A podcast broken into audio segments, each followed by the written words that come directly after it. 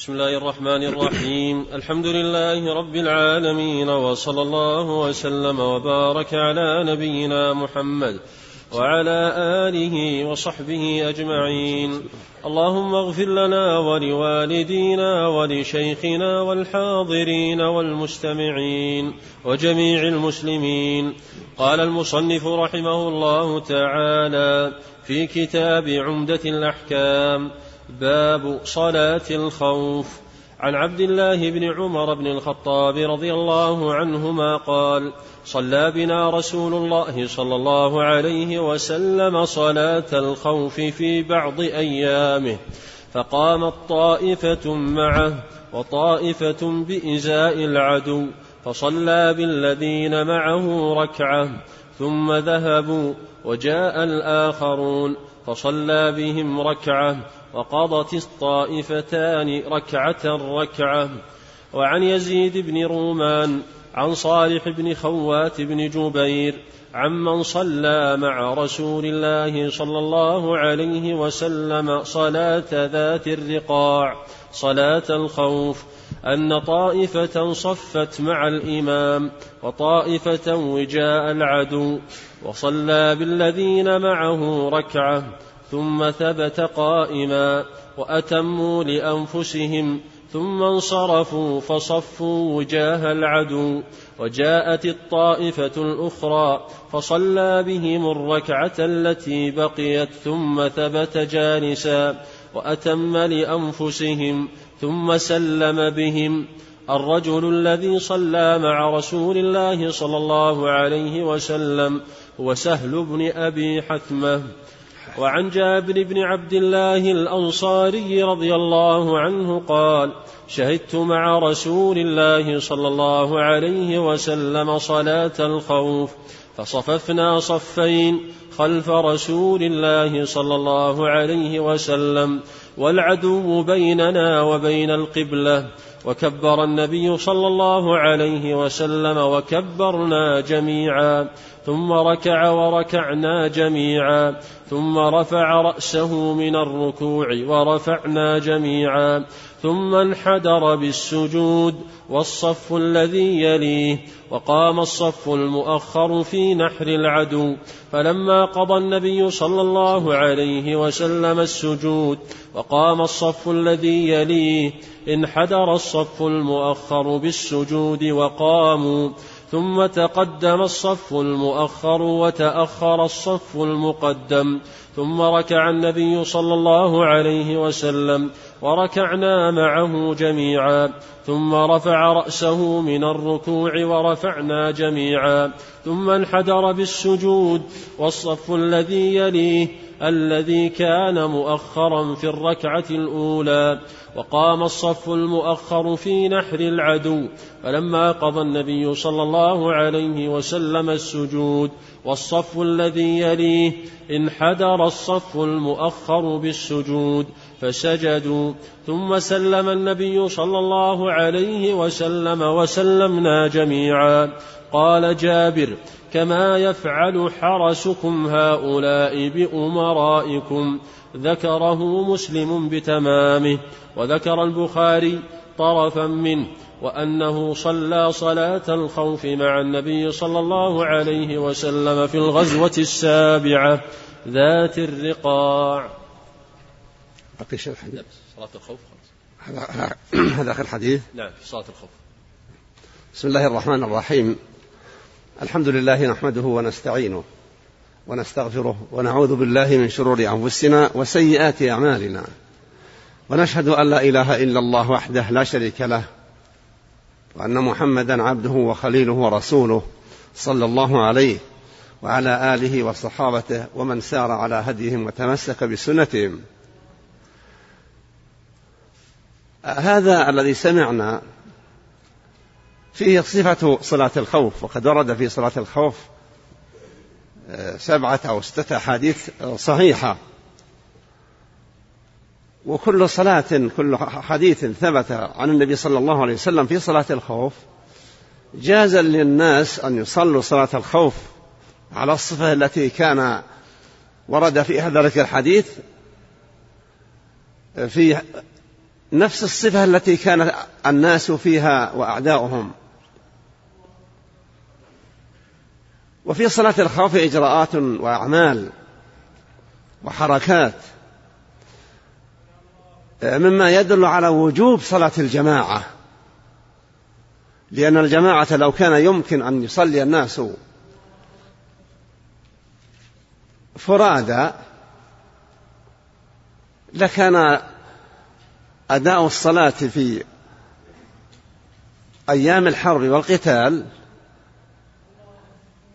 ممكنا بدون أن يحصل هذا العمل والتحركات. والقيام بأعمال لو قيم بها في غير الخوف ما صحت الصلاة. فهذه الأوصاف التي سمعناها مما قرئ علينا في هذا الحديث أو في هذه الأحاديث تؤكد وجوب صلاة الجماعة. وإن كان وجوب صلاة الجماعة ثابتا بأكثر من ذلك إلا أن هذا مما يؤكد لزومها. وإلا فقد جاءت الأحاديث أنه لا يتخلف عن الصلاة صلاة الجماعة إلا منافق.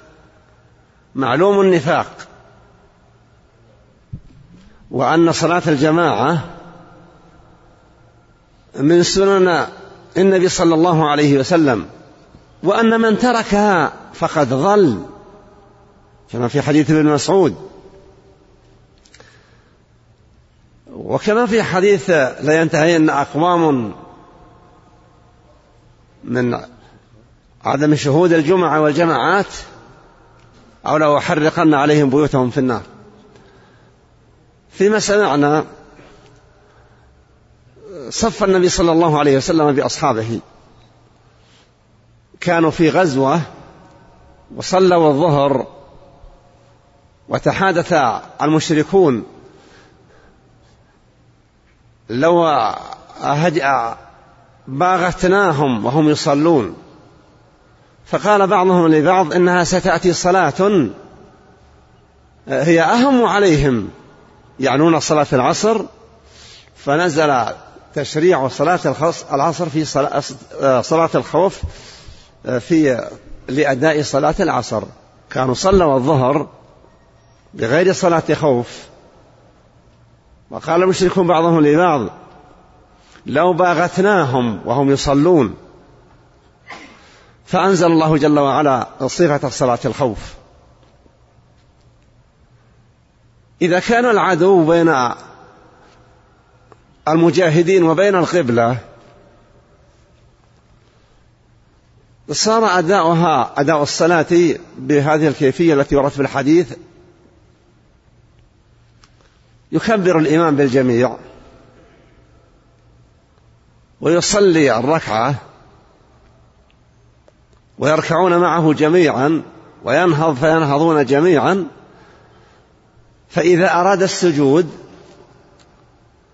سجد معه الصف الموالي له. وبقي الصف المؤخر أو الصفوف المؤخرة مواجهة للعدو. تحرس. فإذا صلى الإمام بالله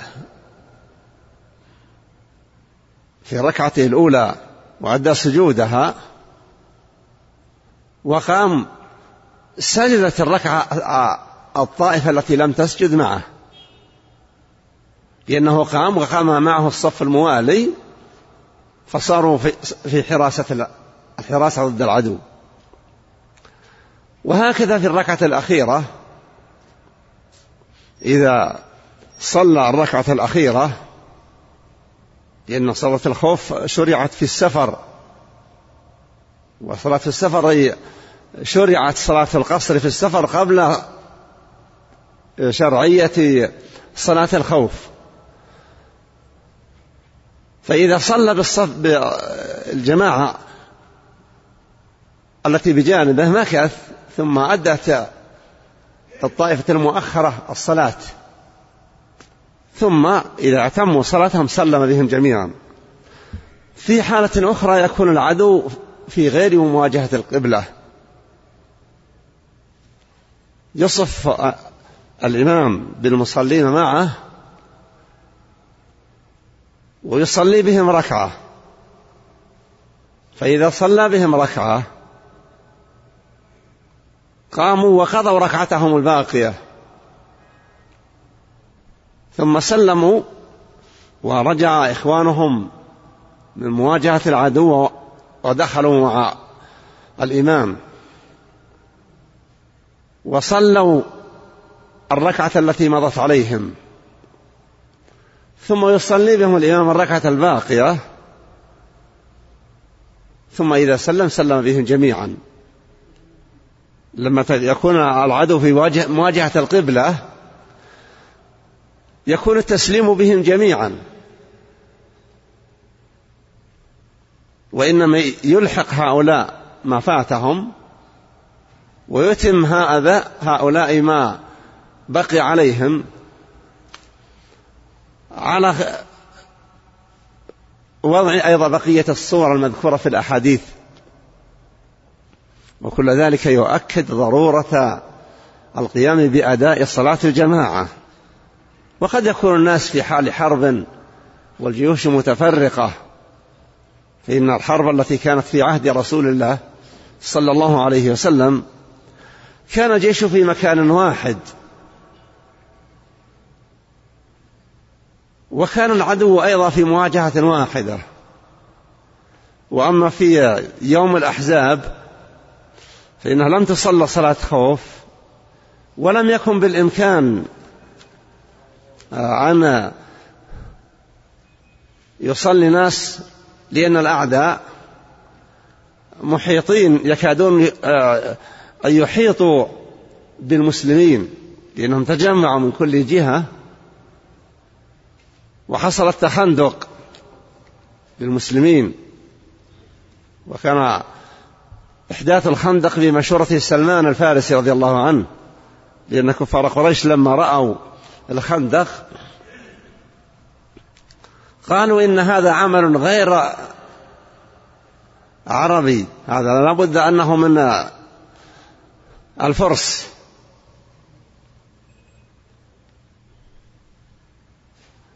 هذا الوضع الذي يكون في صلاة الخوف.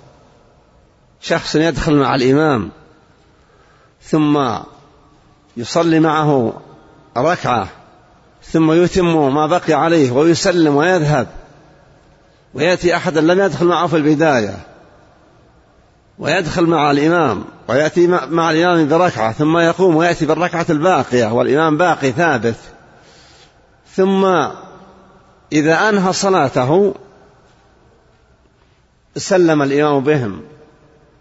كل هذه الأشياء بهذه الصورة تؤكد أن صلاة الجماعة واجبة وأنه لا يعذر أحد بترك الجماعة إلا من عذر شرعي. إما من مرض أو خوف على نفسه أو في وقت مطر لا يستطيع الناس أن يصلوا إلى المسجد. ولذلك في سنة أو أكثر من مرة كان نزول المطر قويا فلما أذن المؤذن بدل أن يقول حي على الصلاة قال للناس صلوا في رحالكم.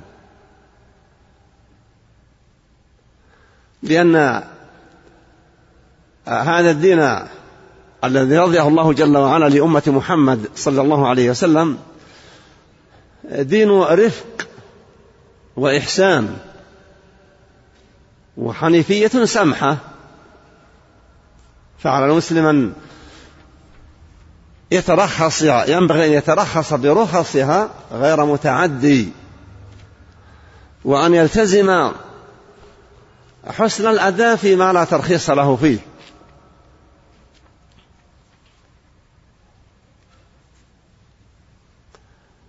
في وقتنا هذا تأتي أحوال قد يكون الإنسان في وضع خائف. إما أن يكون في حال فرار.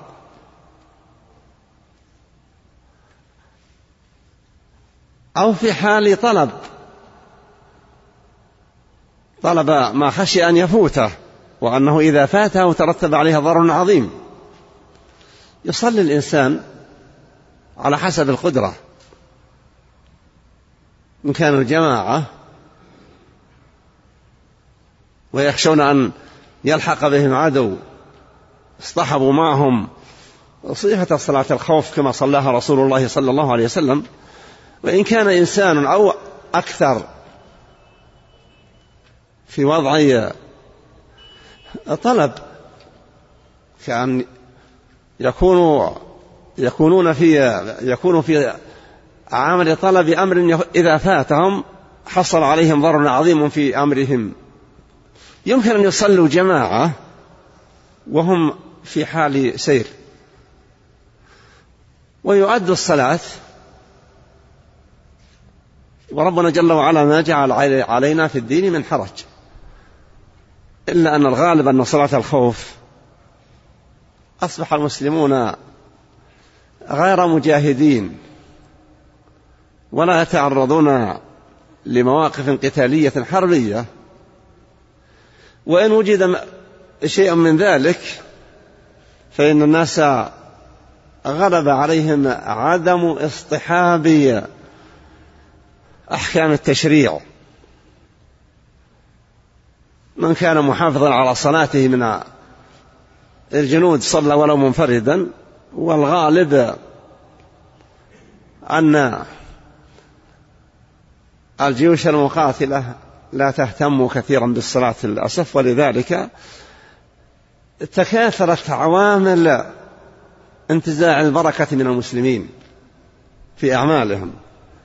ولا شك أنه لن يصلح هذه الأمة إلا ما أصلح أولها. ولا أصلح أول هذه الأمة إلا أن أنهم كانوا ملتزمين بما بلغهم به رسولهم صلى الله عليه وسلم من الكتاب الكريم أو من سنته صلوات الله وسلامه عليه من أفعاله وأقواله وما أقرهم عليه. ونسأل الله جل وعلا أن يحقق للمسلمين رجوعا إلى دينهم وحصول همة للقيام بدعوة من ليسوا على الدين الإسلامي لهذا الدين القويم وأن يحققوا معنى القتال في سبيل الله الذي قال فيه رسول الهدى صلى الله عليه وسلم أمرت أن أقاتل الناس حتى يشهدوا أن لا إله إلا الله وأني رسول الله ويقيموا الصلاة ويؤتوا الزكاة.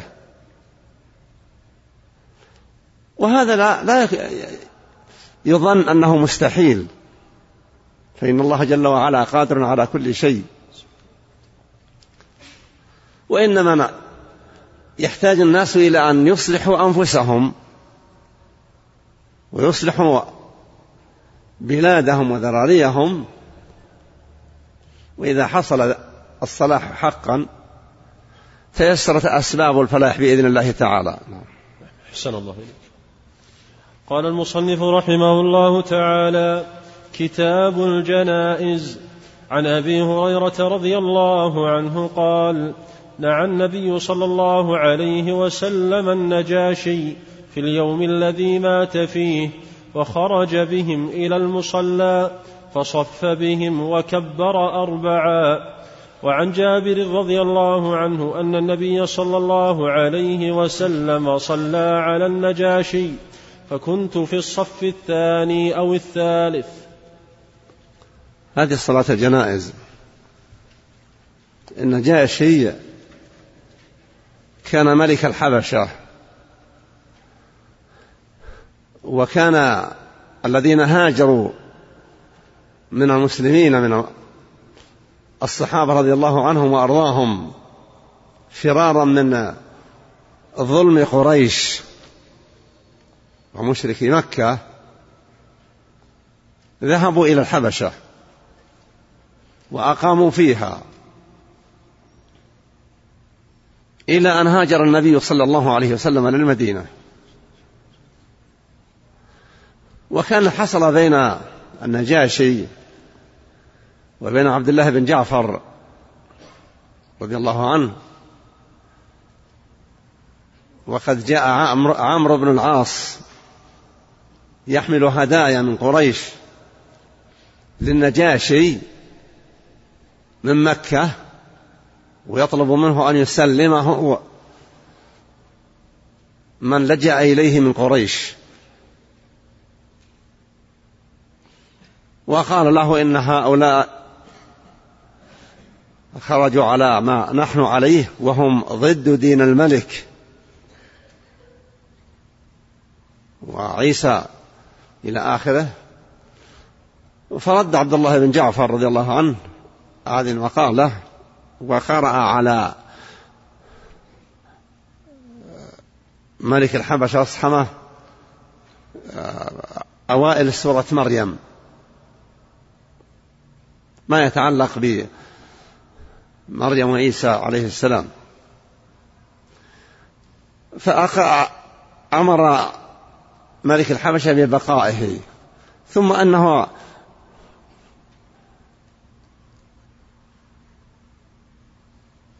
دفع مهر أم حبيبة. مات زوجها في الحبشة. أو ترك.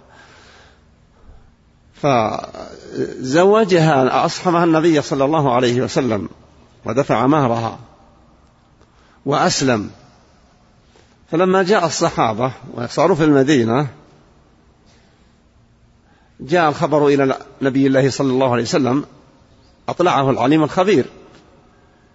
فأخبر صلى الله عليه وسلم الصحابة أنه مات الرجل الصالح وخرج بالناس إلى المصلى لم يصلي عليه في المسجد وإنما صلى في المصلى خارج المدينة وذكر حصل ما ذكر الراوي رحمة الله رضي الله عنه. كبر بالصحابة وكبر أربع تكبيرات في المصلى. ومن هذا الحديث أخذ القائلون بصلاة الغائب على المتوفى على خلاف في هذا الموضوع.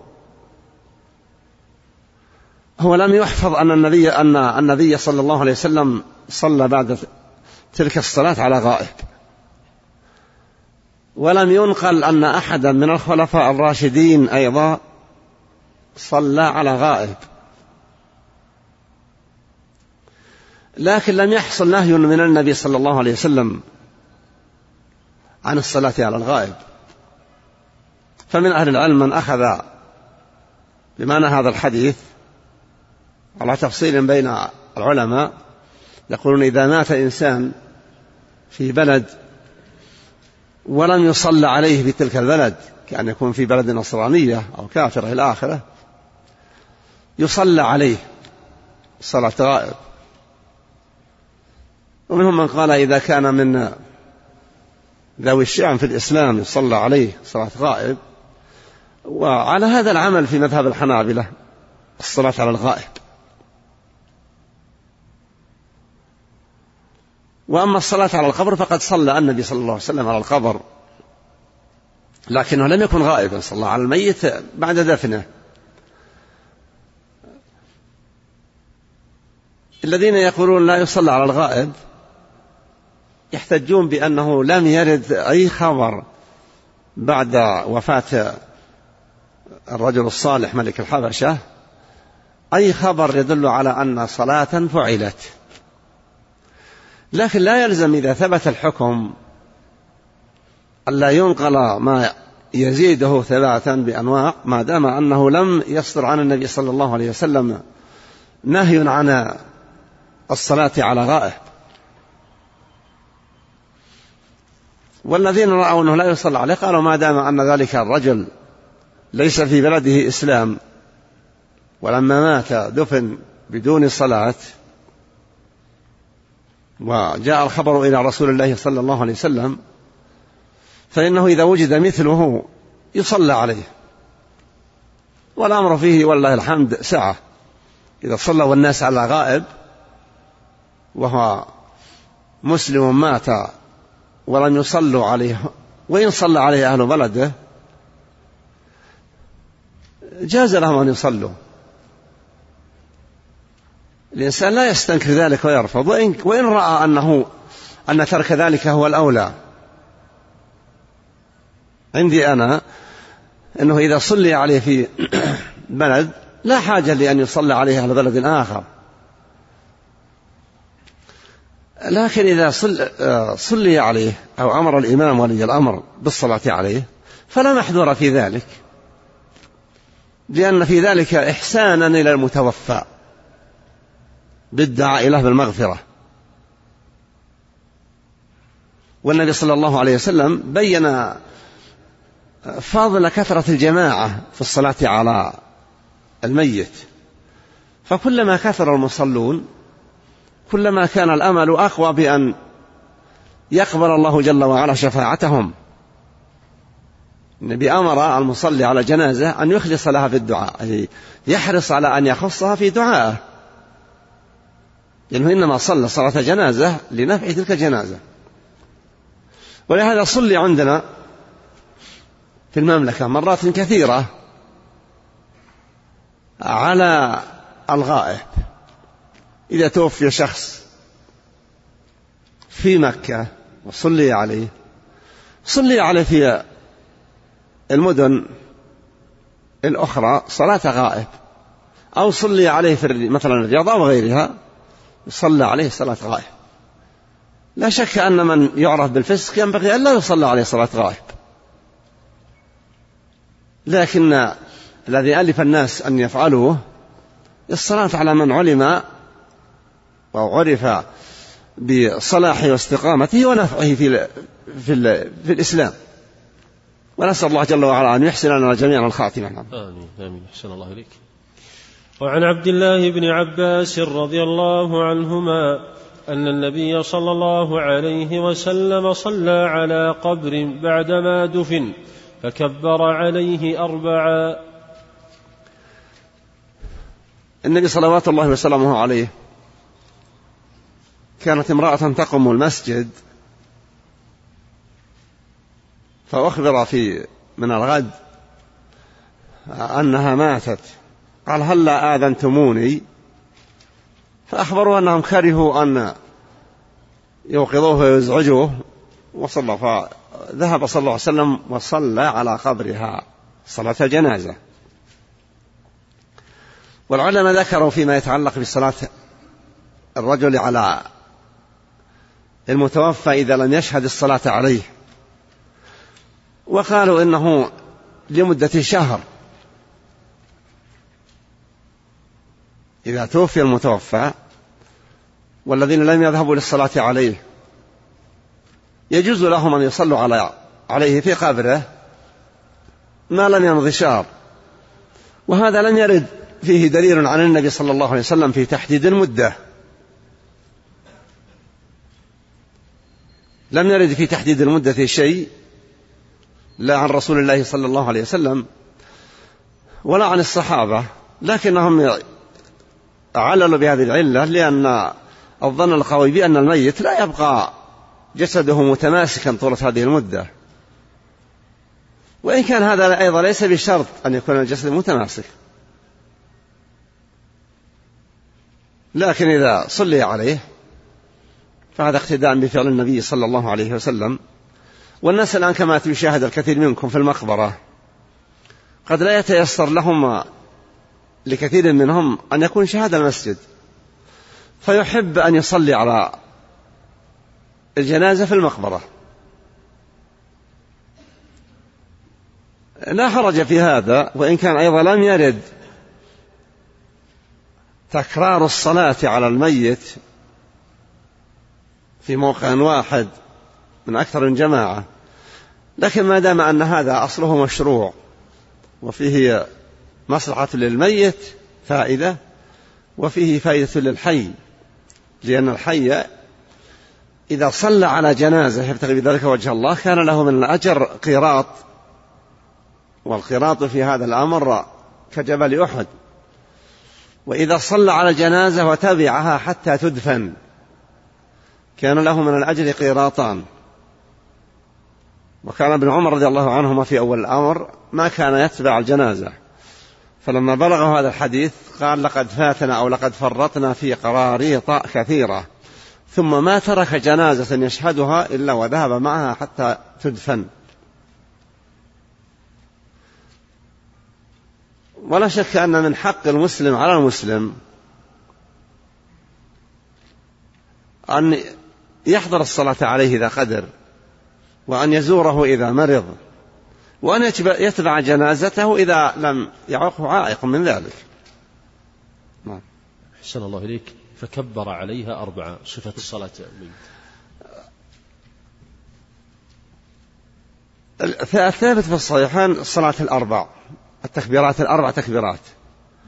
وهذه التكبيرات اختلاف العلماء ما الذي يقال فيها. لكن ورد في الصحيح أن التكبيرة الأولى يقرأ فيها بعدها بفاتحة الكتاب. قد ثبت ذلك من حديث ابن عباس. والركعة الثانية يصلى فيها على النبي صلى الله عليه وسلم التكبيرة الثانية. وبعد التكبيرة الثالثة يكون الدعاء للميت. وورد عن بعض الناس أن التكبيرات يمكن أن يكبر خمس. وقيل ست وقيل سبع.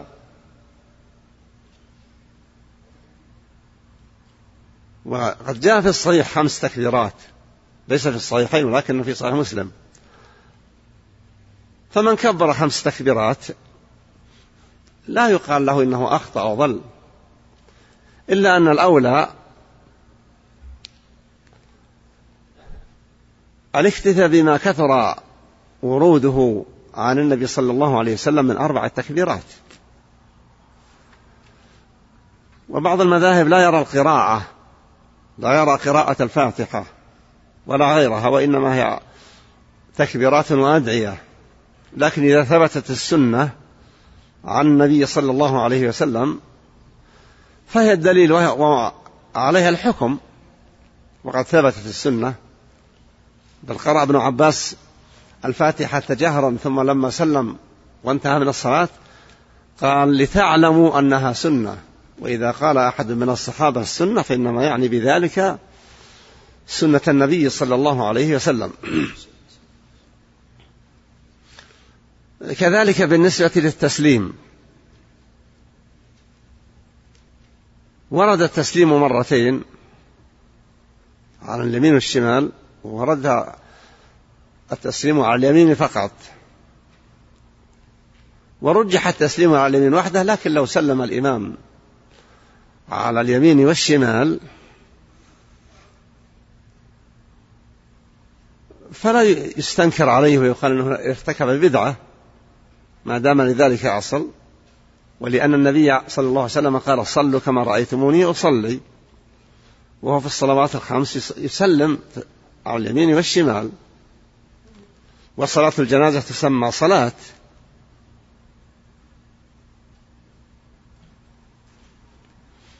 إلا أن القول الراجح عند أكثر الناس من الصحابة والتابعين وغيرهم الاكتفاء بتسليمة واحدة لكن لا ينبغي لشخص إذا صلى مع قوم وسلموا تسليمتين أن يستنكر ذلك عليهم ويقول هذا خلاف وهذا وهذا. كالدعاء كالقنوت أو كالجهر بسم الله الرحمن الرحيم.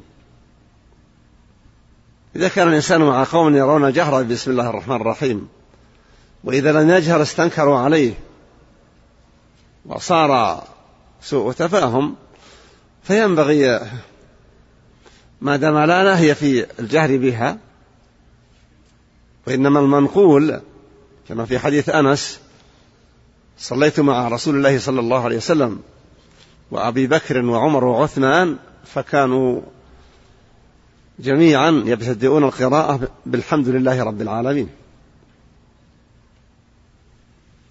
إنما لو قرأ وهو مذهب الشافعي فمن من ذكر ذلك الشيخ الإسلام ابن تيمية قال لو صلى إنسان بقوم يرون الجهر بسم الله وإذا لم يجهر بها صار تشويش وكذا فعليه عليه أن يجهر بها لأنه ما دام أنها من القرآن فالجهر بها لا. فقراءة الفاتحة في صلاة الجنازة ثبت من حديث ابن عباس ومن غيرها أنها سنة. فالأخذ بالسنة. إذا جاءت كلمة السنة في عرف السلف من الصحابة والتابعين والأئمة السابقين فلا يعني في يقصد فيها أنها قسيم الواجب. هذا واجب وهذا سنة. وإنما المقصود منها أنها الطريقة التي كان عليها العمل. ولهذا هذا من يدعو إلى ويقول صلاة الجماعة ليست بواجبة وإنما سنة. والشافعي يقول تلك السنة. فليس معناها أن المقصود بالسنة لأن لما يقول الشافعي وأحمد وطبقتهم تلك السنة. لا يقصدون بذلك أنها يعني هذه نافلة مباحة فقط. وإنما يقصدون تلك السنة أنها الطريقة التي سلكها رسول الله صلى الله عليه وسلم. والنبي صلى الله عليه وسلم قال صلوا كما رأيتموني أصلي فيشملها الوجوب. نعم. أحسن الله إليك. وعن عائشة رضي الله عنها أن رسول الله صلى الله عليه وسلم كفن في ثلاثة أثواب بيض يمانية سحولية ليس فيها قميص ولا عمامة. هذا فيما يتعلق بكفن الميت. الله جل وعلا شرع لعباده تكفين موتاهم. وبين نبيه صلى الله عليه وسلم بفعله بأمره وما فعل به صلوات الله وسلامه عليه. فإنه لما توفيت ابنة زينب أمر النساء اللواتي يغسلنها إذا أنهينا غسلها وانتهينا أن يخبرنا فأخبرنا فأعطاهن شعارة وهو أشبه ما يكون بالإزار. فألبست إياه. لا شك أن ما كان من رسول الله صلى الله عليه وسلم فلا اعتراض عليه لأنه بركة فيه البركة. وأما من غيره فلا حاجة لشيء من هذا. النبي لما طلب عبد الله بن عبد الله بن أبي أن يعطيه النبي صلى الله عليه وسلم إزاره ليلبسه والده رأس المنافقين. قابل النبي إكراما لعبد الله. وكان عبد الله بن عبد الله من صالح أصحاب النبي صلى الله عليه وسلم وهو الذي قال للنبي إن كنت تريد قتل عبد الله فأنا أقتله يا رسول الله. لقد علم الأوس والخزرج أن لا أحد أبر مني بأبيه. وإني أخشى إذا قتله غيري أن يأتي في نفسي ثم أرتكب قتله فأكون من نار أهل نار جهنم. إن كنت قاتلا فمرني أنا أقتله أقتله. فقال صلى الله عليه وسلم لا بل نحسن صحابته. ولما مات جاء ولده للنبي صلى الله عليه وسلم وطلب منه الشهر وأعطاه وأراد عمر أن يمنع النبي صلى الله عليه وسلم من الصلاة عليه. وذكره بقول الله لا تصلي على أحد منهم مات أبدا إن تستغفر لهم سبعين مرة. قال لو أعلم أني أستغ... لو استغفرت لهم أكثر من سبعين استغفرت. حتى نزل أمر الله جل وعلا. بنهي النبي صلى الله عليه وسلم عن الصلاة عليهم وعن الاستغفار لهم. والله المستعان. الكفن كفن الميت. الرجل يكفن في ثلاثة أثواب. النبي يكفن في ثلاثة أثواب سحولية. كلمة سحولية يعني هي من قرية في اليمن سمى سحول. ينسجون الألبسة.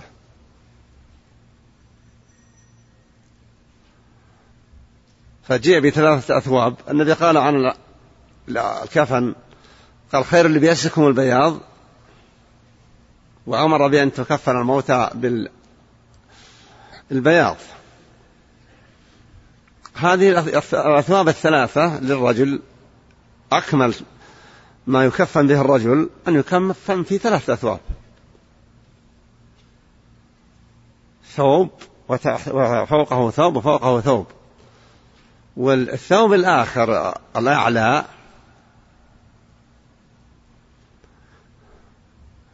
يجعل فيها أيضا شيء من الكافور كما أنه في الغسلة الأخيرة من غسل الميت يخلط الماء بشيء من الكافور لأن الكافور يقوي اللحم ويشد بعضه إلى بعض ويكون أكثر تماسكا.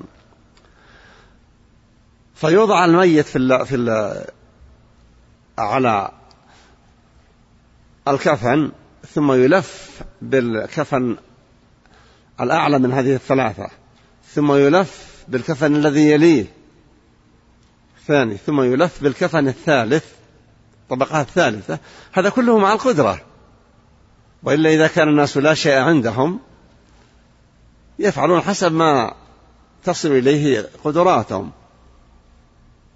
والصحابي الذي مات ولم يجد إلا جبة غطوا رأسه بدت رجلاه وإن غطوا رجليه بدت بدأ رأسه. أمر النبي صلى الله عليه وسلم أن يجعلها في جهة على جسده وأن يغطوا أسفله بالحشيش بالأذخر. ففعل ف كفن النبي صلى الله عليه وسلم بهذه الأستواب الثلاثة السحولية. ولف يلف ثم يوضع الحزائم يحزم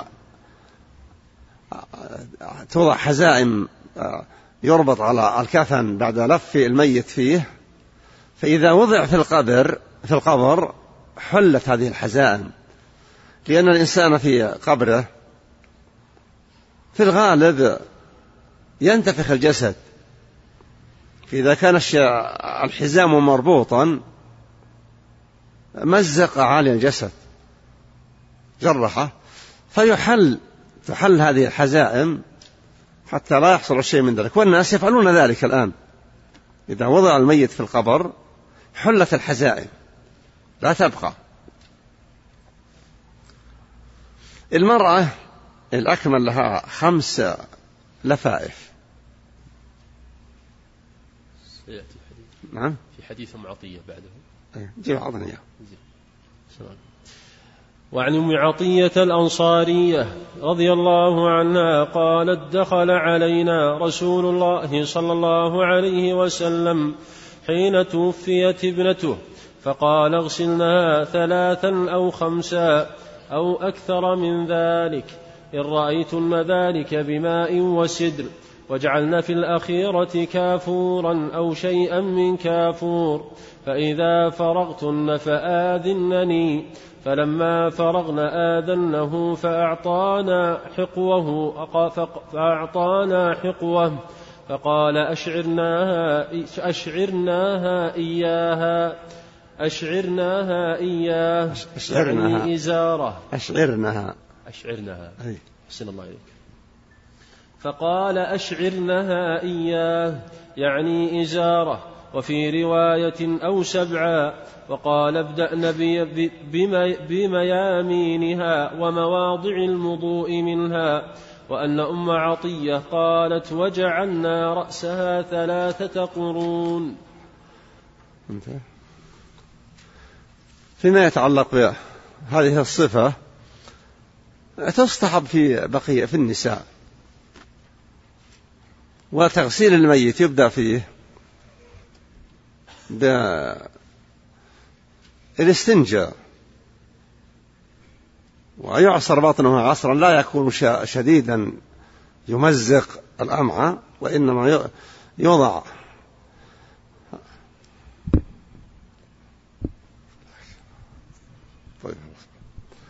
وإنما يوضع على بطن الميت شيء ثقيل من حديدة أو حجر قوي حتى يضغط البدن ضغطا حتى ما كان متهيئا من فضلات المعدة يخرج مع الخارج.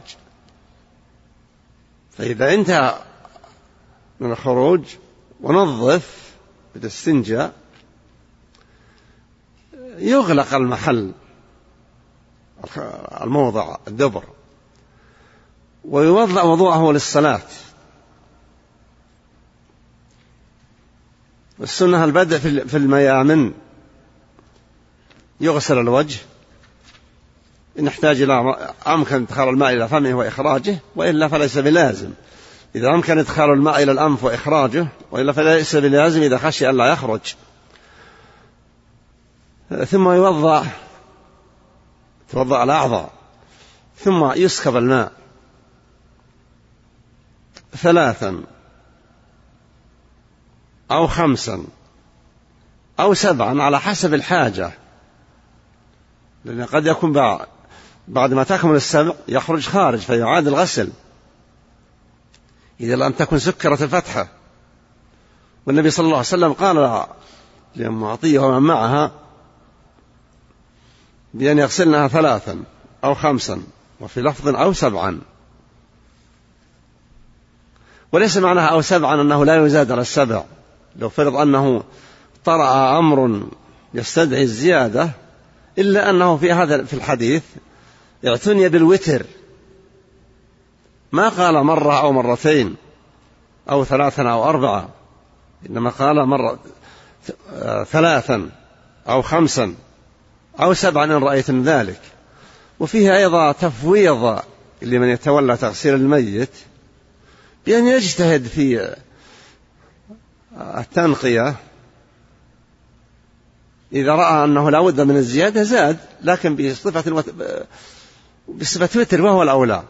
لأن شأن الوتر في التشريع الإسلامي مهم.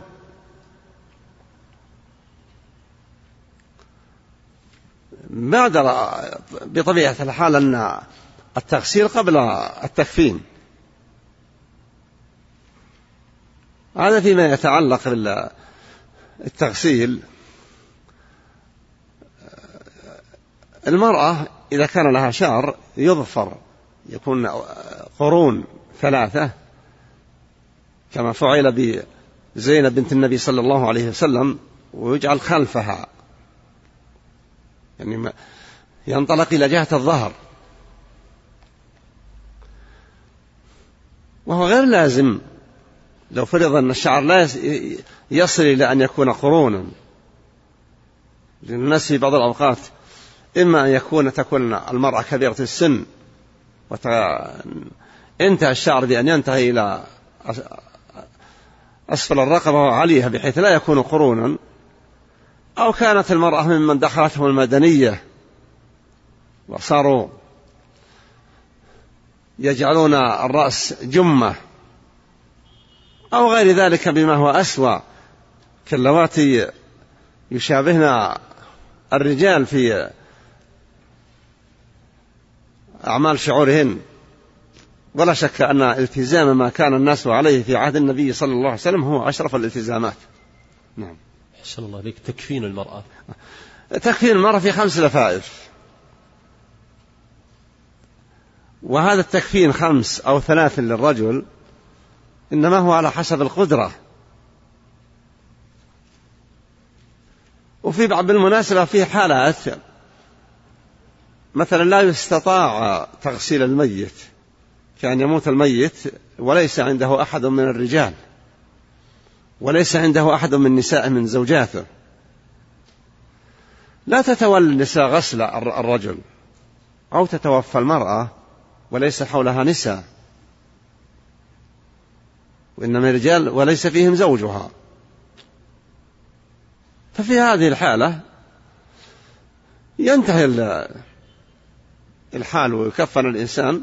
فرق بين كونه يكفن لأن التكفين صار ضروريا. لا يمكن أن يقال حتى ولا تكفن. كيف يفعل بها المرأة؟ يصنع فلا بد من الكفن. لكن بعض الممنوع الذي تتم به المصلحة والغرض يكتفى به عما زاد الممنوع الذي لا حاجة إليه. نعم. فقال أشعرنها إياه قولها أشعرنها إياه يقول ألبسن خلوه, خلوه اجعلوه الذي يلي جسدها. الشعار هو ما يكون تحت الملابس. مثلا الفنيلة اللي نسميها فنيلة هذه هي اسمها لغة شعار. وعلى سبيل بس لمجرد الذكر. لا لا. مجرد الذكر. صهر أخو الخنسة الخنسة كما هو معروف أنها أدركت الإسلام. لما أخذت إبل زوج الخنسة مرداس السلمي. جاءت لأخيها فأعطاها نصف المال. فمرة ثانية أعطاها نصف ماله. فقيل له لو أعطيتها شرارها شرار المال الإبل. رد عليهم هو صخر قال والله لا أمنحها شرارها. ولو هلكت مزقت خمارها. واتخذت من شعر شع... من شعر شعارها. طبعا أسلمت الخنسة وتزوج لها بنت فمستها امرأة وإذا اللباس الداخلي من الشعر الخشن. قالت لها تماضر أتجعل من شعارك من هذا الشعر؟ قالت كيف لا؟ وقد قال صخر واتخذت من شعر شعارها. فالشعار هو الذي يكون تحت ملابس الإنسان. ولهذا قال النبي اشعرنه اشعرنها إياه يعني اجعلنه الشعر هو الذي يلي جسدها. فألبس ألبست رضي الله عنها جعل لها إزار. نعم. أحسن الله إليك. وعن عبد الله بن عباس رضي الله عنهما قال بينما رجل واقف بعرفة إذ وقع على راحلته فوقصت أو قال فأوقصت. فقال رسول الله صلى الله عليه وسلم اغسلوه بماء وسدر وكفنوه في ثوبين ولا تحنطوه ولا تخمروا رأسه فإنه يبعث يوم القيامة ملبيا وفي رواية ولا تخمروا وجهه ولا رأسه. قال رحمه الله الوقص كسر العنق. عندك ثوبيه ولا ثوبين؟ وكفنوه في ثوبين ولا تحنطوه. كلكم ثوبين؟ ثوبيه؟ هذه هي الرواية الصحيحة ثوبيه. اي ثوبيه. أحسن الله بك هذا الصحابي رضي الله عنه في مزدلفة. سقط عن راحلته فاندقت عنقه رضي الله عنه. فأخبر النبي صلى الله عليه وسلم والمحرم من محظورات الإحرام أن يمس بطيب والمحرم من محظورات الإحرام أن يغطى رأسه. فلما أخبر رسول الله صلى الله عليه وسلم بما حصل قال لهم غسلوه بماء وسدر.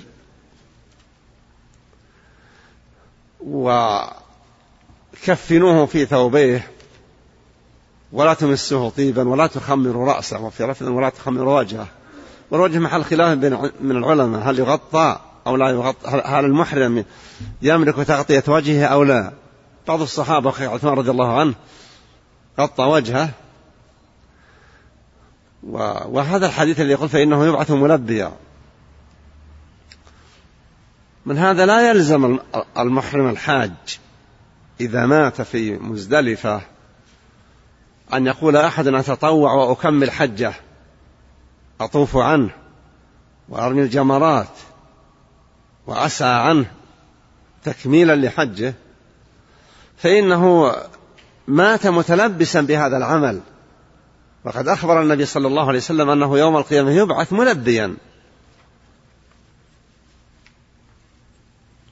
ولو أن هذا الأمر مشروع لقال النبي صلى الله عليه وسلم يتم عنه من لم يكن حج أو شيء من هذا حتى لا يقال أن الحاج يحج عن نفسه وعن غيره في آن واحد. فالنبي صلوات الله وسلامه عليه قال كفنوه في ثوبيه. والرواية الأخرى يمكن ثوبين لكن الأشهر في نظري هي ثوبيه كفن في إزاره ورداه في ذلك الوقت الحال حال فقر ما كانت الأمور متيسرة للنبي صلى الله عليه وسلم والصحابة. وإن كانت في عام الفتح في عام حجة الوداع كانت أمورهم أحسن بكثير إلا أنهم لم يزالوا في بداية الأمر. لكن الله جل وعلا أعطاهم ما أعطاهم بمنه بإحسانه ثم بسبب جهادهم الذي كان لوجهه جل وعلا. نعم. أحسن الله إليك. وعن وعن أم عطية الأنصارية رضي الله عنها قالت نهينا عن اتباع الجنائز ولم يعزم علينا. النهي ثابت أن المرأة لا تدفع الجنازة. ويدخل في شأنها أيضا النهي عن زيارتهن القبور. وفي المسألة خلاف بين أهل العلم. هل تزور المرأة المقابر؟ لا شك أن الراجح عدم الزيارة. بما في ذلك قبر النبي صلى الله عليه وسلم. فأم عطية تقول رضي الله عنها وهي من النساء البارزات رضي الله عنهن قالت نهينا أن نتبع الجنائز ولم يعزم علينا. يعني كأنها ترى أن النبي لم يشدد. لكنها لم تأتي بأي خبر أن أحدا من النساء كان خرج في اتباع الجنائز. النبي لما مر على امرأة تبكي على ولدها قال لها صلى الله عليه وسلم يعني اتق الله واصبري. قالت له إنك لم تصب, تصب بمصيبتي. ما غضب صلى الله عليه وسلم ولا نهرها وبخها فقيل لها إنه رسول الله صلى الله عليه وسلم. ففزعت وذهبت إليه تقول فوجدته ليس عليه بواب ما عليه حراس يمنعون الدخول. فقال هي إنني أصبر. قال إنما الصبر عند الصدمة الأولى. يعني الإنسان هي ما هو بتبكي عبرات ودموع دم وإنما تبكي بكاء في في صياحه. ولذلك قال لها اتق الله واصبري فقال النبي صلى الله عليه وسلم إنما الصبر عند الصدمة الأولى. لأنه بعد الصدمة الأولى كل الناس يصبرون. وإن تفاوتت أحوال صبرهم أحد يكون صبره عاجلا وأحد لا يصبر صبرا محدودا وأحد أحد كلما ذكر صاحبه بكى بكاء يكون له شهيق. وأحد دون ذلك لكن لا شك أن التزام السنة والنبي عليه الصلاة والسلام حذر من الأمة أن تلتزم الأعمال التي هي كفرية. وقد قال خصتان هما في أمتي كفر الفخر في الأنساب والنياحة على الميت. فإن النياحة غير البكر ولهذا النبي لما ذهب إلى ابن ابنته لجدعته وقال لتحتسب وتصبر فأقسمت عليه الله أن يأتي فذهب معه بعض الصحابة. فلما دخل وإذا بالطفل تتقعقع نفسه في صدره كتقعقع الشن غورقت عيناء النبي صلى الله عليه وسلم. فقال أحد الصحابة أظنه سعد بن أبي وقاص أو سعد بن معاذ والله ما أدري أيهما نعم؟ أو عبد الرحمن بن عوف. قال لها ما هذا يا رسول الله؟ قال هذه رحمة. وإن, وإن الله لا يعذب بهذا بالعبرة يعني وإنما يعذب بهذا. يعذب بالصراخ أو بشق الجيوب. هذا قال النبي صلى الله عليه وسلم ليس منا من شق الجيوب ولطم الخدود ودعا بدعوى الجاهلية. والله المستعان. نعم. أحسن الله إليك ولم يعزم علينا. ولم يعزم علينا يعني ما ألزمهم الإلزام. هي فهمت أنه ليس فيه إلزام. لكن أخذ العلماء الله بالمنع لأن على الناس أن يمنعوا النساء من الظلم والنساء ضعيفات يضعفن من هذا الشيء. والشيء الثاني والأمر الثاني أيضا مثار فتنة أحسن الله وعن أبي هريرة رضي الله عنه عن النبي صلى الله عليه وسلم قال أسرعوا بالجنازة فإن تك صالحة فخير تقدمونها إليه وإن تك سوى ذلك فشر تضعونه عن رقابكم. هذا فيما يتعلق بحمل الجنائز. ينبغي لحامل الجنازة أن يسرعوا. لكنه ليس بالإسراع المربك الذي يعرض السائرين والحاملين للجنازة للخطر والوقوع إلى آخره وإنما الإسراع البين. وأخبر صلى الله عليه وسلم عن السبب. قال إن كانت صالحة تعجلونها إلى ما أمامها من الخير وإن تكن غير ذلك فشر تضعونه عن رقابكم. لأن حامل السوء أو الجنازة السيئة يحمل شرا. فبقدر إلا أنه حمل لازم. فيحرص على العمل على إيصالها إلى مقرها. والمتولي لها هو المتولي جل وعلا لكل شيء. وفي هذا أيضا الإنسان يستذكر لما يقرأ مثل هذه الأحاديث. أو يستعرض مثل هذه الأحوال يفكر بحاله. كيف يكون ممن يفرح؟ وقد ورد في الحديث محبوب هنا أن الصالح الميت الصالح الجنس الصالحة تقول لحاملها عجلوا بي عجلوا بي.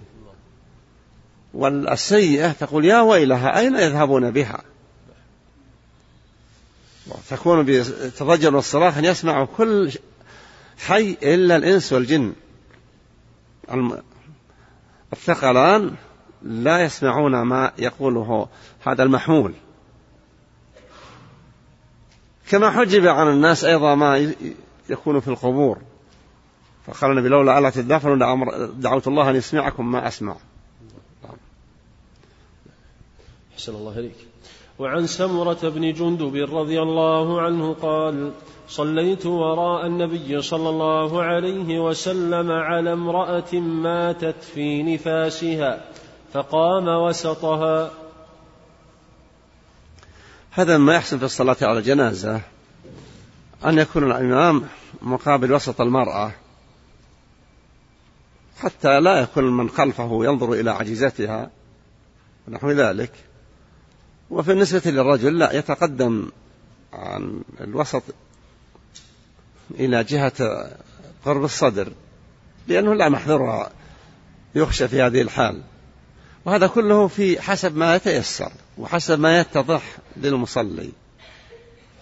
أحسن الله عليكم سماحة الوالد. هذا يسأل يقول الآن مع تطور التقنية قد يكون هناك ضرر في صلاة الخوف على الجنود. إذا اجتمعوا لأنه قد تصيبهم قذيفة أو يستهدفهم العدو. فهل الأفضل أن يصلونها فرادا أو فرادا الأصل أن الجماعة أن الصلاة صلى جماعة. إذا أمكن ذلك بدون خشية ضرر يحصل. فإذا كان هناك ضرر يخشى من وقوعه سواء بما يخشى من وقوع القذائف التي إذا وقعت على المجموعة أتلفت عددا كبيرا وإذا وقعت على فرد أو أقل كان الضرر أقل. يراعي الناس ما يتحقق به مصلحة عام عبادتهم وجهادهم. نعم. أحسن الله إليكم. يسأل يقول قول بعض أصحاب السنن ما من مؤمن يموت فيصلي فيصلى فيصلي عليه أمة من المسلمين يبلغون أن يكونوا ثلاثة صفوف إلا غفر له. السؤال هل هذا حديث عن النبي صلى الله عليه وسلم؟ وهل الصفوف التي وردت كمثل صفوفنا هذه؟ الصفوف نعم. ولهذا يحرص كثير من العلماء والحديث جيد أن الصفوف لو ما تم الصف. ولا سيما في الصحراء والنبي صلى على النجاشي وصفوا ثلاثة خلفه. والصحراء ما لو صفوا صفا واحد وامتد يمين ويسار أمكنهم أن يصفوا صفا واحدا. لكن في الجنازة كلما كثرة الصفوف فهو الأفضل. كما أن أيضا كثرة الجنازة كثرة الجماعة على الجنازة أفضل إذا أمكن. نعم أحسن الله إليكم. يسأل سماحة الوالد يقول ما حكم من مات بين الكفار ودفنوا ودفنوه بدون الصلاة عليه؟ فما حكم ذلك؟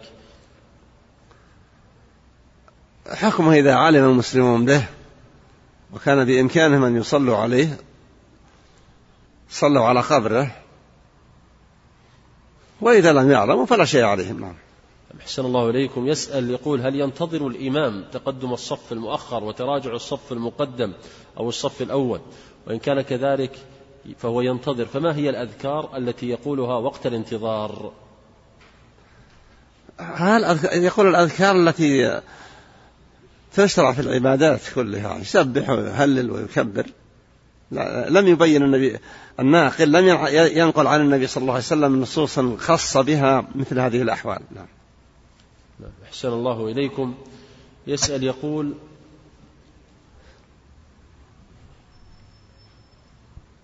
خرج علينا من يقول أن صلاة الجماعة ليست واجبة وأن الاختلاط جائز مطلقا.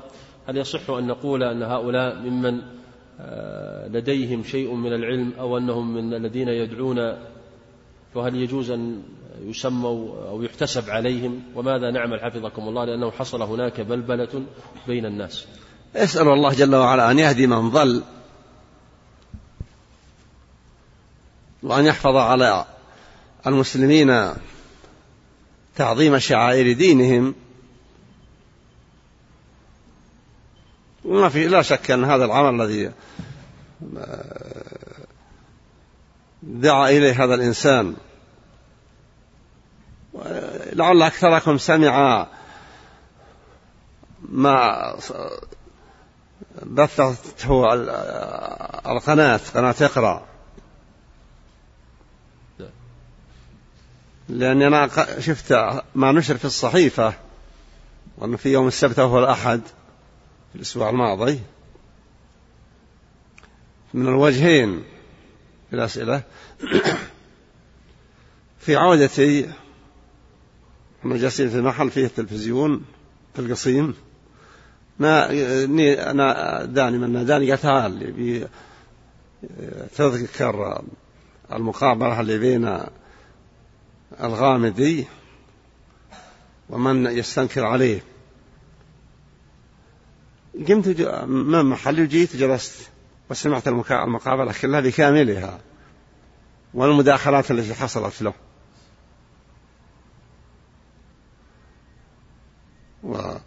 ووعدوا أنهم سوف يأتون بالثانية ليلة الجمعة. قلت يا يوم الخميس العيال دبروا لي. لابد أن أشاهد هذه لأنه يهمني مشاهدة الحية لأن الحقيقة ساءني كثير والله موقف والله يستر عينه عليه. وشاهدت في الحية سمعت كلام الحمدان؟ ونجيمي ونجيمي الحمدان من أي بلد؟ لا أعلم والله. لكنه مدير الدعوة في آه، هو من من نجد. نعم بس ما أدري والله من أي بلد. ونجيمي معروف أنه من عصير. نعم وجزاهم الله خير. والظاهر أن الإحراج للرجل ما في شك. حتى لو كان هو مصيبة مئة في المئة ويحرج هالإحراج قال له أنت أخطأت ما في شك أنه يسوء هذا. سمعت الكلام. ومع الأسف أيضا فيما يتعلق بالاختلاط وقوله هذا يعني سبحان الله العظيم. الإنسان إذا رأى إنسان ابتلي يسأل ربه يحمد الله على العافية ويسأل الله أنه يعافي المبتلى ويمنع حصول الشر عن البلاد الناس الآن متساهلين بالصلاة الجماعة دون أن يدعي شخص أنها لا تجب على الناس وجوبا حتميا. يعني كأن مفهومه أنها مثل نوع صلاة وجوب الكفاية. ما دام إذا فتح المسجد وصلى فيه من صلى ليس على الناس شيء. وأنا سمعت أنه ربما يكون وخر عن عمله الله أعلم. نعم. أحسن الله لكن ما الواجب يا شيخ لطلاب العلم؟ نصيحتكم لطلاب العلم حفظكم الله. نصيحتي لطلاب العلم أن يتمسكوا بما كان عليه النبي صلى الله عليه وسلم وأصحابه. يقول عبد الله بن مسعود رضي الله عنه إنكم لو صليتم في بيوتكم كما يصلي هذا المتخلف في بيته لتركتم سنة نبيكم. ولو تركتم سنة نبيكم لضللتم. ولقد عهدتنا وما يتخلف عنها الصلاة إلا منافق معلوم النفاق.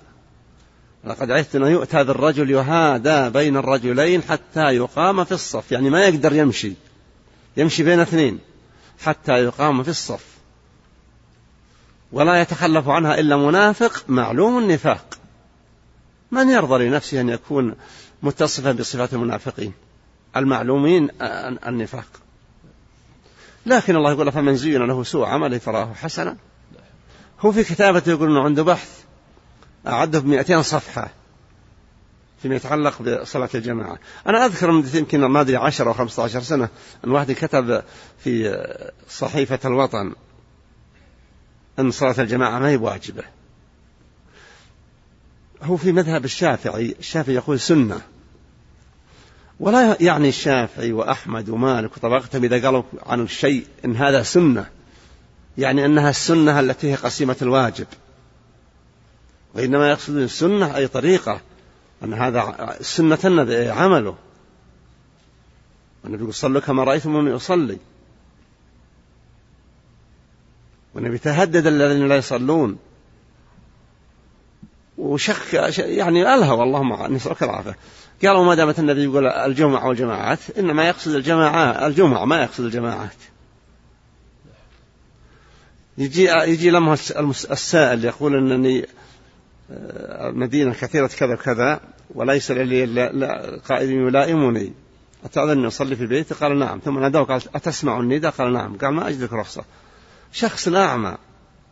ما هو يخشى على نفسه في الليل ومع ذلك يقول النبي لا أجد لك رخصة. نسأل الله الهداية. نعم. أحسن الله إليكم سماحة الوالد. آه هذا يقول يوجد حضور نسائي جيد في مصلى النساء. وبالنسبة لذكر هذا قوله المرأة التي تفلي النبي صلى الله عليه وسلم. لا.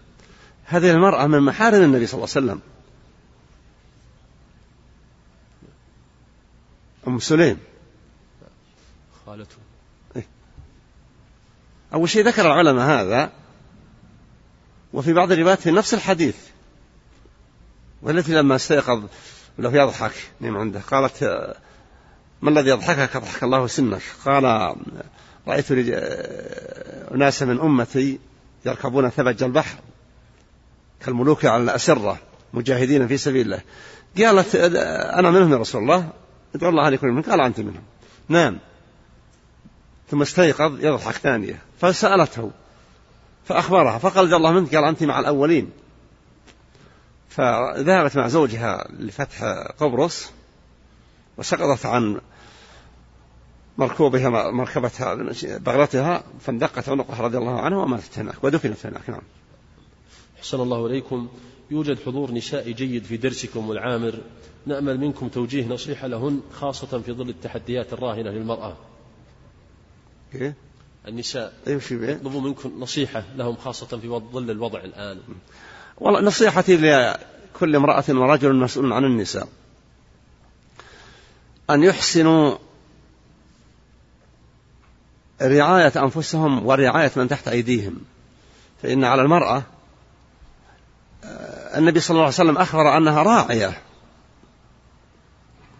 والراعي لا يضيع نفسه ولا يضيع من يرعاهم. والحديث في الصحيحين المرأة راعية في بيتها ومسؤولة عن رعيتها. فعلى النساء عموما أن يحرصن على الحجاب. ويتمسكن به تمسكا تاما. والله جل وعلا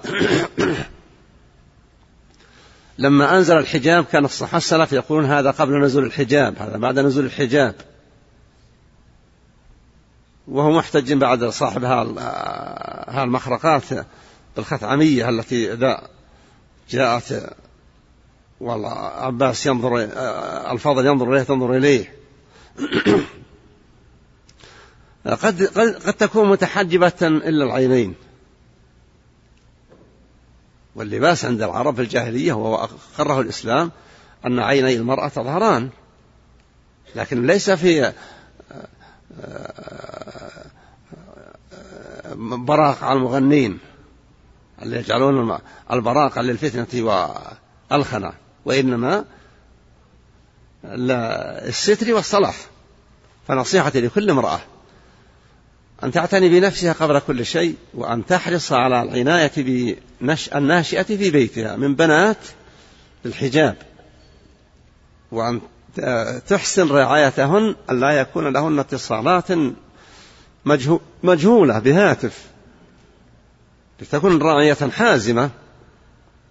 حتى يصلح من في بيتها والصلاح صلاح الذرية. من استمرار العمل للمتوفى من أب وأم. إذا مات ابن آدم انقطع عمله إلا من ثلاثة ومن هذه الثلاثة الولد الصالح والمقصود بالولد الذكر والأنثى لأن هذا معنى كلمة ولد ليس الذكر فقط.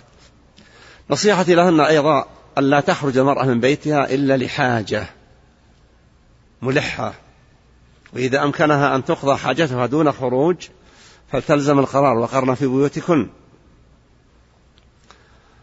عند الضرورة أو الحاجة الملحة لا حرج. لكن أن تخرج غير متطيبة. وأي امرأة تخرج وهي متعطرة يشم الرجال ريحها فهي في حكم الزانية. ينبغي أن تحرص النساء على ذلك غاية الحرص. وعلى الرجال أيضا أن يكون على الرجال أن يكونوا رجالا حقا. يحسنون الرعاية. المرأة ضعيفة وقد قال النبي ضعيفة عقل ودين. والقصاد يقول خدعوها بقولهم حسناء والنساء يغرهن الثناء. فلا تغتر إذا كانت حسناء تظهر محاسنها إلا لمن أباح الله لها أن تظهره أمامها. نصيحتي للنساء أيضا أن يشغلن أوقات بيوتهن لا في مشاهدة التلفاز وإن كان فيه بعض الفوائد. الشيء الثاني على المرأة أيضا تغض الطرف حتى عن النبي الله جل وعلا يقول وقل للنساء للمؤمنات يغضن من أبصارهن ويحفظن فروجهن إلى آخر الآية. الرجال قال كل المؤمنين يغضوا من أبصارهم ويحفظوا فروجهم ذلك أزكى لهم. لما جاء الحديث للنساء جاء بغض البصر وما يلزم معه والحفظ وما يلزم معه وأتى بما يمنع أن تقوم المرأة بما يلفت نظر الرجل إليها. إذا كانت ذات حلي لا تنفض كفها ذراعها حتى يسمع وسوسة الحلي. أو لا تضرب بخلخالها حتى يظهر صوت الخلخال ولا يضربن بأرجلهن ليعلم ما يخفين من زينتهن. ثم قال وتوبوا إلى الله. كأنما يخالف هذه الأوامر معصية تحتاج للتوبة بالنسبة للمرأة الصالحة يقول النبي صلى الله عليه وسلم أن خير كنز يكنزه المؤمن المرأة الصالحة. التي إن أمرها النظر إليها سرت وإن أمرها أطاعت وإن غاب عنها حفظته في نفسها وماله وقوله سرت ليس معناها أن تسره بالجمال. وإن كان الجمال مطلبا من المطالب لكن تسره في الأدب والخلق الحسن وعفة اللسان والقناعة في حدودها. وقد قال النبي صلى الله عليه وسلم تنكح المرأة لمالها وجمالها وحسبها ودينها. ثم قال اظفر بذات الدين تربت يداك. من هذا الجانب نصيحتي للمرأة أيضا أن تعتني بالرجل صاحب الدين. كما أن الرجل ينبغي أن يحرص على أن يختار ذات الدين. أيضا ينبغي للمرأة أن تحرص على أن يكون من يتقدم لها وتقبله أن يكون عرف عنه أنه يخاف الله ويتقيه حتى إن كانت أعجبته وسرته عاشت عيشة حسنة معه وإن كان الأمر غير, غير ذلك خاف الله فيها. فكما يطلب في الرجل في المرأة هذه المطاعم الرغبات الأربع المال تنكح لأنها غنية ثروة أو ينتظر أن ترث ثروة للجمال وله شأنه في نفوس الرجال الحسب وله مكانته الدين وهو الأعز والأغنى عند الله جل وعلا وعند الصالح ثم عند الصالحين. نصيحتي أيضا بالنسبة لما يقال عن تزويج الفتيات وهذه الدعاية الشريرة الخبيثة وإن كان علماء اليمن قد نشطوا في محاربة هذه الدعوة. لا شك أن النبي صلى الله عليه وسلم تزوج عائشة بنت سبع وبنى به يعني جامعها بنت تسع. وسبق أن ذكرت لكم هذا قديما. وذكر الشافعي رضي الله عنه يقول رأيت جدة عمرها إحدى وعشرون سنة. ليست أم جدة. فإذا حصل شخص تتوفر فيه الصفات التي يرغب بها وتقدم لفتاة في التاسعة أو العاشرة. لا يتقعد. وأما تشريع قانون نسأل الله جل وعلا ألا يفتح له بابا في بلادنا. نسأل الله أن يفتح له. العلماء ذكروا تزويج الصغير من الفتيان وتزويج الصغيرة من الفتيات. وزواج النبي صلى الله عليه وسلم وزواج من تزوج من الصحابة بفتيات دون ما يقال. حتى في بعض امرأة تكتب في مدري والله في جريد تقول يعني إني أحذر من الأمومة المبكرة. يعني أن الأم اللي تكون أم وهي في الخامسة عشرة والسادسة عشرة هذه أم مبكرة هذه يخشى أن لا تحسن التربية. نسأل الله أن يهديه. نصيحتي للنساء عموما ولمن يتولى أمرهن أن يتقوا الله في حياة الناس جميعا ويحسنوا رعاية من تحت أيديهم. نعم. أحسن الله إليكم سماحة الوالد على هذه النصائح. نستأذنك في طرح بعض أسئلة الإخوة من خارج الحدود من أسئلة الإنترنت. هذا سائل من المغرب يقول شيخنا نحن شباب نعمل في مطعم للأكل ونستعمل صلصة طماط وضمن مكوناتها يوجد فيها خل الكحول. فهل نستعملها؟ هو الكحول المصنع هذه ليس خمر. هو التحريم في في سكرها. إذا تحولت وصارت غير مسكرة يصعب أن يقال أن هذا أمر محرم. الخمر نفسها إذا تخلت بدون من يخللها أحد وانقلبت خلا صارت مباحة. وإن كانت قبل ذلك خمرا. لكن مع ذلك نصيحتي أن تجتنب هذه الطريقة لخشية ألا يتم الاستقصاء والحذر التام في تلافيها ويتساهل الناس والناس إذا سلكوا طريق التساهل صارت صارت الجرأة عندهم متوفرة. والاكتفاء بما لا شك في حله خير من الدخول في المشتبهات الذي قال النبي صلى الله عليه وسلم عنها من اتقى الشبهات فقد استبرأ لدينه وعرضه نعم. حسن الله إليكم. هذا سائل قال له عبد الرحيم من المغرب. فضيلة الشيخ إني أحبك في الله. ما حكم آه، أن أو أحد الأشخاص ما حكم وجود أحد الأشخاص يجيز سؤال الجن يجيز سؤال الجن عن مكان السحر ومعرفته لكي يستدل عليه ويكشف الضر عن المسحور؟ ويستدل بأن جبريل عليه السلام فعل ذلك. جبريل عليه السلام سأل جني. هذا لا عجب عجاب لا شك أن هذا من الضلال المبين. سؤال الجن عن شيء لا يص... لا يجوز شرعا.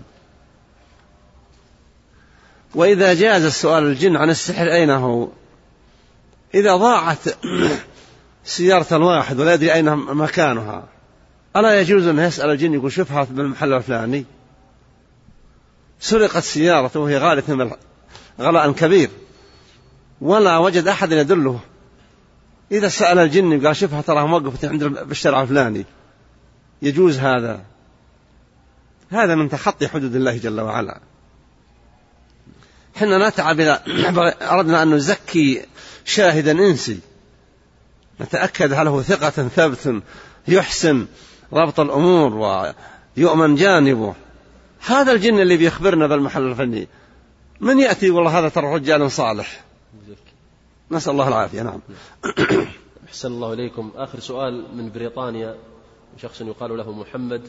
يقول السلام عليكم ورحمة الله وبركاته. شيخنا الفاضل هل يجوز دخول كنائس النصارى والصلاة فيها إذا أدركتني إذا أدركني الوقت وأنا مستقبل القبلة؟ نعم إذا لم تجد مصلى يصلى فيه سوى الكنيسة. وعالموا أيضا أنك إنما تصلي صلاة المسلمين. لا يظنون أنك جاي تعظم القديس. فإن شاء الله لا حرج. وصلى الله على نبينا محمد.